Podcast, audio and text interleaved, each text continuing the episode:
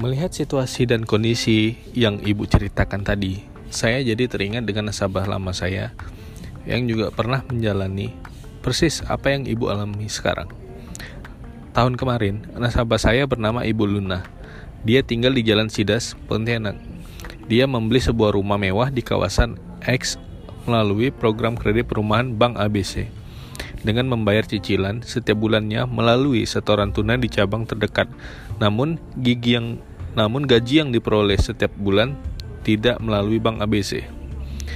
Nah, beberapa bulan berjalan, Ibu, Ibu Luna rajin setor angsuran ke cabang terdekat. Namun pada dua bulan terakhir, Ibu Luna mengeluh karena kerjaan dia sekarang makin padat, sehingga sulit untuk pergi ke cabang untuk setoran tunai. Nah, karena padatnya aktivitas Ibu Luna sering lupa untuk setor sehingga kreditnya yang awalnya lancar berubah menjadi tunggakan dua bulan, ditambah pembayaran angsuran harus juga membayar denda keterlambatan. Pada akhirnya, saya menawarkan Ibu Luna untuk memindahkan kreditnya atau take over ke Bank Mandiri dengan program payroll karena gaji yang diterima Ibu Luna masuk ke rekening Bank Mandiri. Walaupun pada awalnya keberatan, karena harus melunasi pokok bunga plus denda. Namun saya berhasil meyakinkan beliau bahwa program yang kami tawarkan plus bunga cicilan yang lebih rendah dari Bank ABC akan jauh lebih mudah dan meringankan Ibu Luna. Dan akhirnya kredit Ibu Luna berjalan di Bank Mandiri sampai lunas.